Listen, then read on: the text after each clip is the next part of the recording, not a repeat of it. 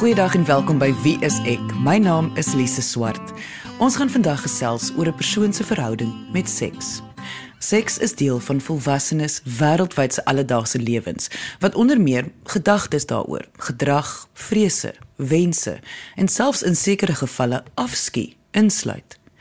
Seks is deel van menswees en omdat dit deel van menswees is, moet daar gekyk word na wanneer is jou verhouding met seks 'n gesonde, gebalanseerde verhouding of wanneer is jou verhouding met seks ongesond of beïnvloed dit jou of ander om jou se lewenskwaliteit.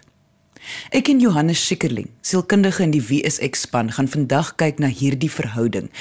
En of jy nou glad nie van seks hou nie of te veel daarvan hou of enige plek in die middel val, gaan ons kyk na of seks belangrik is, hoekom dit lewens kan verwoes en hoe jy hulp kan kry indien nodig. Johannes, kom ons begin deur te kyk na die spektrum waaroor ons vandag gaan gesels. Met ander woorde, hoe gaan 'n persoon se verhouding met seks lyk of manifesteer wat val onder die twee ekstreme kante van seks? So daarmee kyk ons aan die een kant na seks as 'n taboe, as iets wat absoluut privaat is en iets waaroor ons natuurlik nou nie praat nie. Of selfs iets wat ons nie doen nie, want dit is vuil of is lelik of dit is nie mooi nie.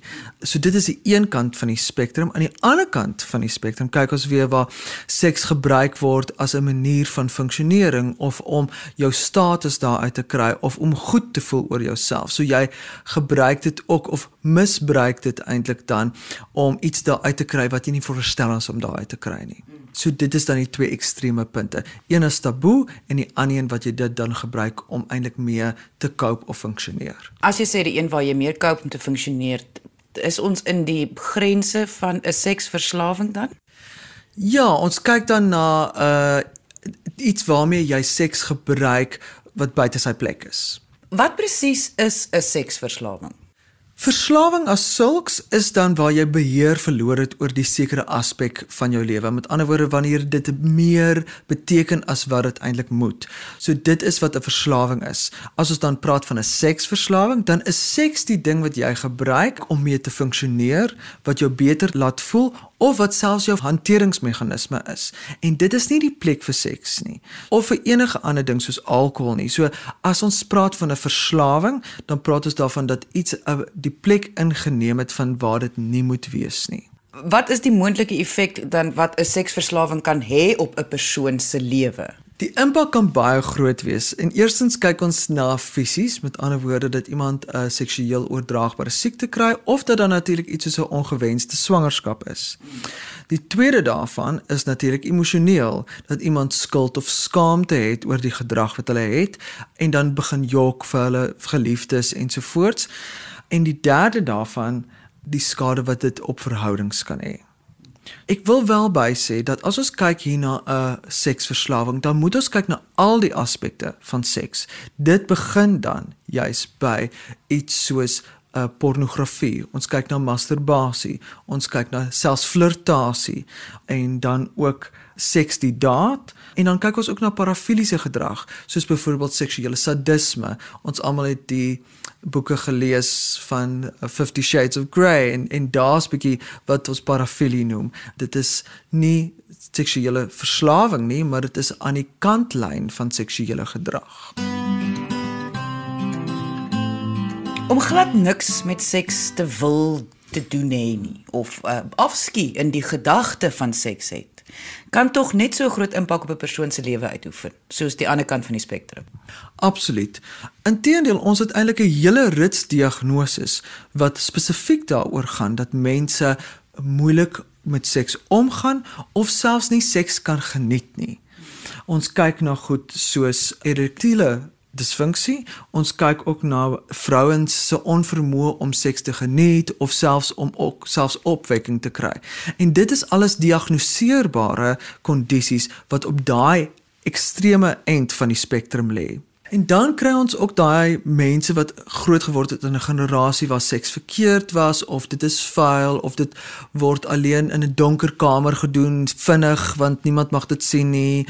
En dan kry ons ook die ander mense wat getraumatiseer is of wat 'n sekere trauma het en omdat seks so vermeng is met 'n gevoel van intimiteit, het ons sien ons ook dat mense wat 'n probleem met intimiteit het, het ook 'n probleem met met seksualiteit. En omdat die twee so vervleg is, sien ons dan ook dat hulle 'n seksuele probleem het. So mense kan daardeur sien dat dit alle verhoudings impakteer, maak nie saak watter kant van die spektrum jy val nie. Net om duidelikheid te kry. Wat is 'n gesonde verhouding met seks? Dit is wanneer jy 'n goeie, gemaklike seksuele verhouding met beide jouself en iemand anders kan hê.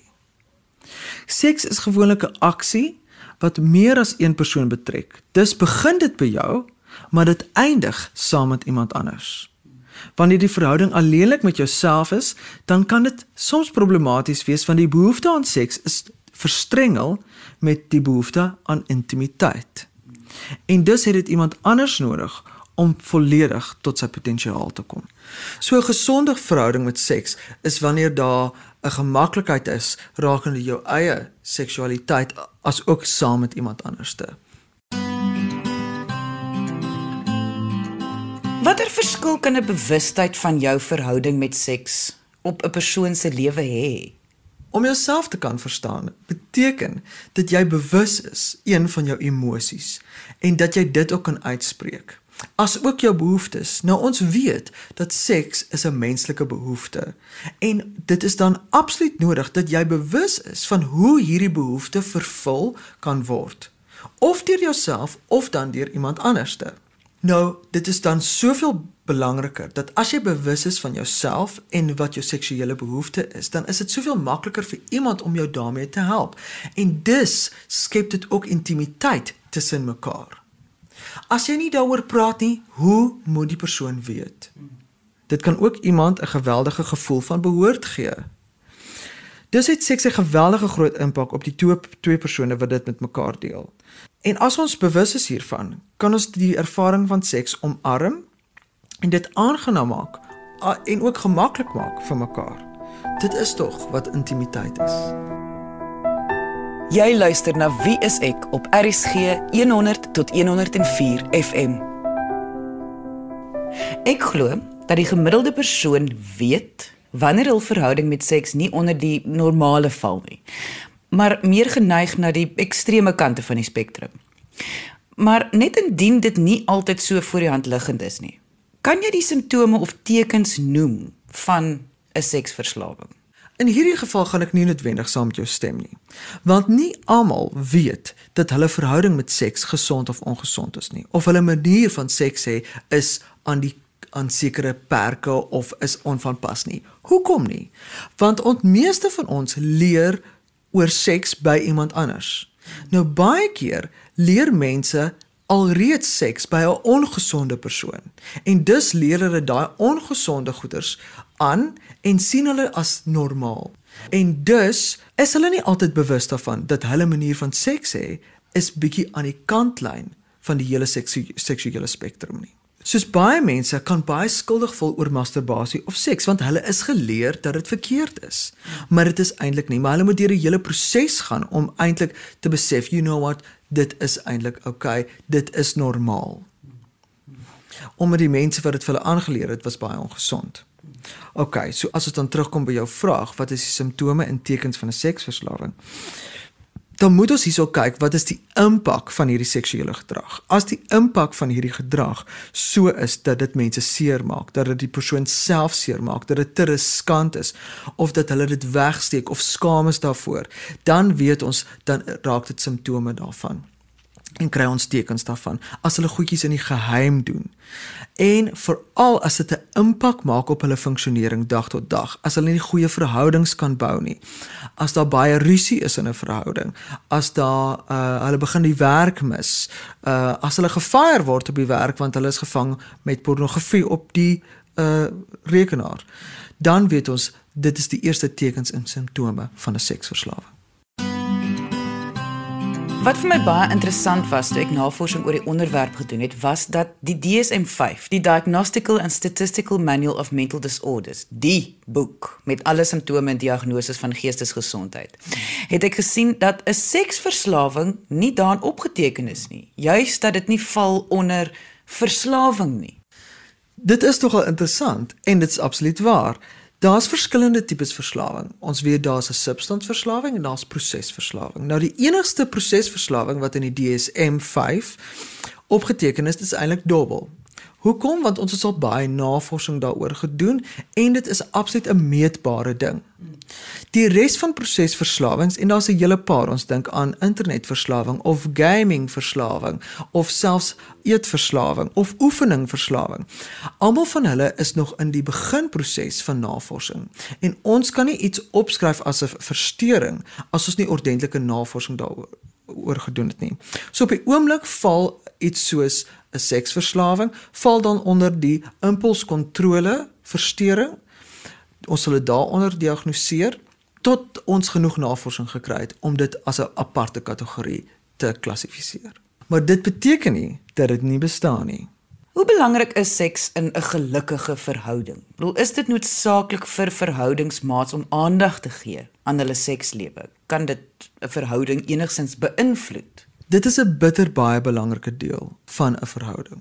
Hoekom? Want dit is een van ons basiese menslike behoeftes. Hiermee verstrengel is ook die basiese behoefte van intimiteit. En seks is dan 'n wonderlike manier om beide van hierdie behoeftes te vervul. En dus is dit absoluut essensieel dat in 'n verhouding dat mense praat oor hulle sekslewe, praat oor hulle seksuele behoeftes want hulle praat eintlik ook oor hulle intimiteitsbehoeftes. En die twee gaan hand in hand. Daar is geen meer intieme koneksie wat jy met 'n persoon kan hê as deur seks nie. En dus moet ons dit bewaar. Ons moet mooi daarmee omgaan want mense is eintlik kwesbaar in hierdie seksuele ruimte. En as iemand jou toelaat om in hierdie kwesbare plek hulle te sien, moet ons mooi daarmee omgaan want dit is 'n voorreg. As mense op 'n seksuele vlak sukkel, dan moet hulle iemand inkry om hulle te help want dit sê eintlik dat die kommunikasie alreeds van so 'n aard is dat jy nie meer intiem kan wees met mekaar nie. En dan het jy hulp nodig. Indien jy meer wil weet oor wie is ek en ons spansielkundiges, kan jy gaan na ons webtuiste by wieisek.co.za. Ons is almal mense en seks is deel van om 'n volwassene te wees. So dit is heel normaal om te kyk na jou verhouding met seks en hoe dit jou lewe en lewenskwaliteit moontlik beïnvloed. Voor die advertensiebreek het ons gekyk na mense wat dalk gediagnoseer kan word met 'n seksverslawing en ook na mense wat seks verafskie of haat en hoe dit dalk hulle lewens kan beïnvloed. Indien jy nou eers ingeskakel het en graag die volledige episode wil hoor, kan jy na die potgooi gaan luister op RSG se webwerf by rsg.co.za. Johannes, seks is 'n daad wat nie in isolasie staan nie. Met ander woorde, daar's altyd twee of meer partye betrokke. So seks kan ook maklik as 'n wapen gebruik word teen iemand anders, soos om seks te weerhou of om seks te gebruik om te kry wat jy wil hê. Jy's heeltemal reg. Seks en mag kan maklik verstrengel word. Ons sien dit in baie verhoudingsmaats wat dit misbruik om te kry wat hulle wil hê of wanneer seks gebruik word om mag te gryp. En dit gebeur soos byvoorbeeld in 'n verkrachting. Verkrachting het eintlik niks met seks uit te waai nie, maar dit het baie te doen met mag. Hiermee word alle intimiteit vernietig. En verander seks in 'n magspel in plaas eintlik van 'n liefdesspel. Indien 'n verhouding hierin vasgevang is, beteken dit dat daar 'n ernstige kommunikasie en verhoudingsprobleme is en dan moet mense hulp kry. Okay, maar indien 'n persoon besef hulle is in 'n verhouding met iemand anders wat dalk seks misbruik, hoe kan hulle die probleem dan aanspreek? My voorstel sal wees praat oor die regte probleem. Praat oor hoe jy voel oor jou intimiteit en jou seksualiteit. Seks kan nie 'n probleem laat verdwyn of beter maak nie. Dit moet uitgepraat word. Baie mense dink, "Oké, okay, ons is weer fyn as ons weer seks kan hê," sonder om regtig oor die issues te praat. Maar dan weet ons hierdie goed word eintlik maar net in die agterkop gestoor. Ons het nou lekker seks en dan gaan ons dit later of opbring of dit is ou koeie uit die sloot uit of so dit beteken daar is reeds 'n kommunikasie en seks word eintlik net gebruik om daaroor te vee. En dit breek dan alle intimiteit uit. As iemand kwaad is, moet hulle sê en nie seks gebruik om hulle woede of wraak te toon nie. Indien kommunikasie heeltemal verbreek het, help dit nie hulle seks nie. Kry hulp en leer om weer te kommunikeer. Ek wil ook graag weet, hoe kan iemand wat in 'n verhouding staan met iemand wat 'n seksverslaafde is, hoe, hoe kan hulle die probleem aanspreek of kan net die persoon met die verslawing dit aanspreek? Ons weet as as iemand in 'n verslawing is, dan het hulle eintlik beheer verloor. So hulle doen dan goed waaroor hulle eintlik nie meer beheer het nie, want hulle is in hierdie patroon van ek doen iets fout, ek voel 'n sekere manier daaroor, gewoonlik skuldig. Ek hou nie van die gevoel nie, dan doen herhaal ek hierdie gedrag, so dan voel ek weer goed. Ek voel weer skuldig. So dit is 'n patroon waarna hulle vasgevang word. So ons het mense nodig wat buite hulle staan om hulle bewus te maak van hierdie patroon werk nie of ten minste die nagevolge van hierdie patroon vir hulle uit te wys. So ons het dit nodig dat jy dan vir jou lewensmaat of verhoudingsmaat sê luister hierdie is vir my 'n probleem. Jou gedrag pas nie. Dit is nie van pas nie. Dit werk nie vir ons verhouding nie. Dit gee nie vir my intimiteit nie. Dit vervul nie my behoeftes nie. Of ek voel jy misbruik dit. So jy moet die persoon attent maak daarvan. En jy moet vir hulle sê wat die effek op jou is sodat hulle kan besef daar is 'n probleem. Hou aan om die probleem op te bring. Moenie net dink dit gaan weg nie en dring amper daarop aan dat hulle gaan verhelp of ten minste net 'n gesprek hê oor wat die probleem daar is. Ek wil graag terugkom na mense wat op die teenoorgestelde van die spektrum val. Mense wat nie van seks hou nie of selfs verafskie. Is dit nodig vir hulle om ook hul verhouding met seks aan te spreek? Watter verskil kan dit aan hul lewens tog maak? Dit is geweldig belangrik dat hulle hierdie aanspreek.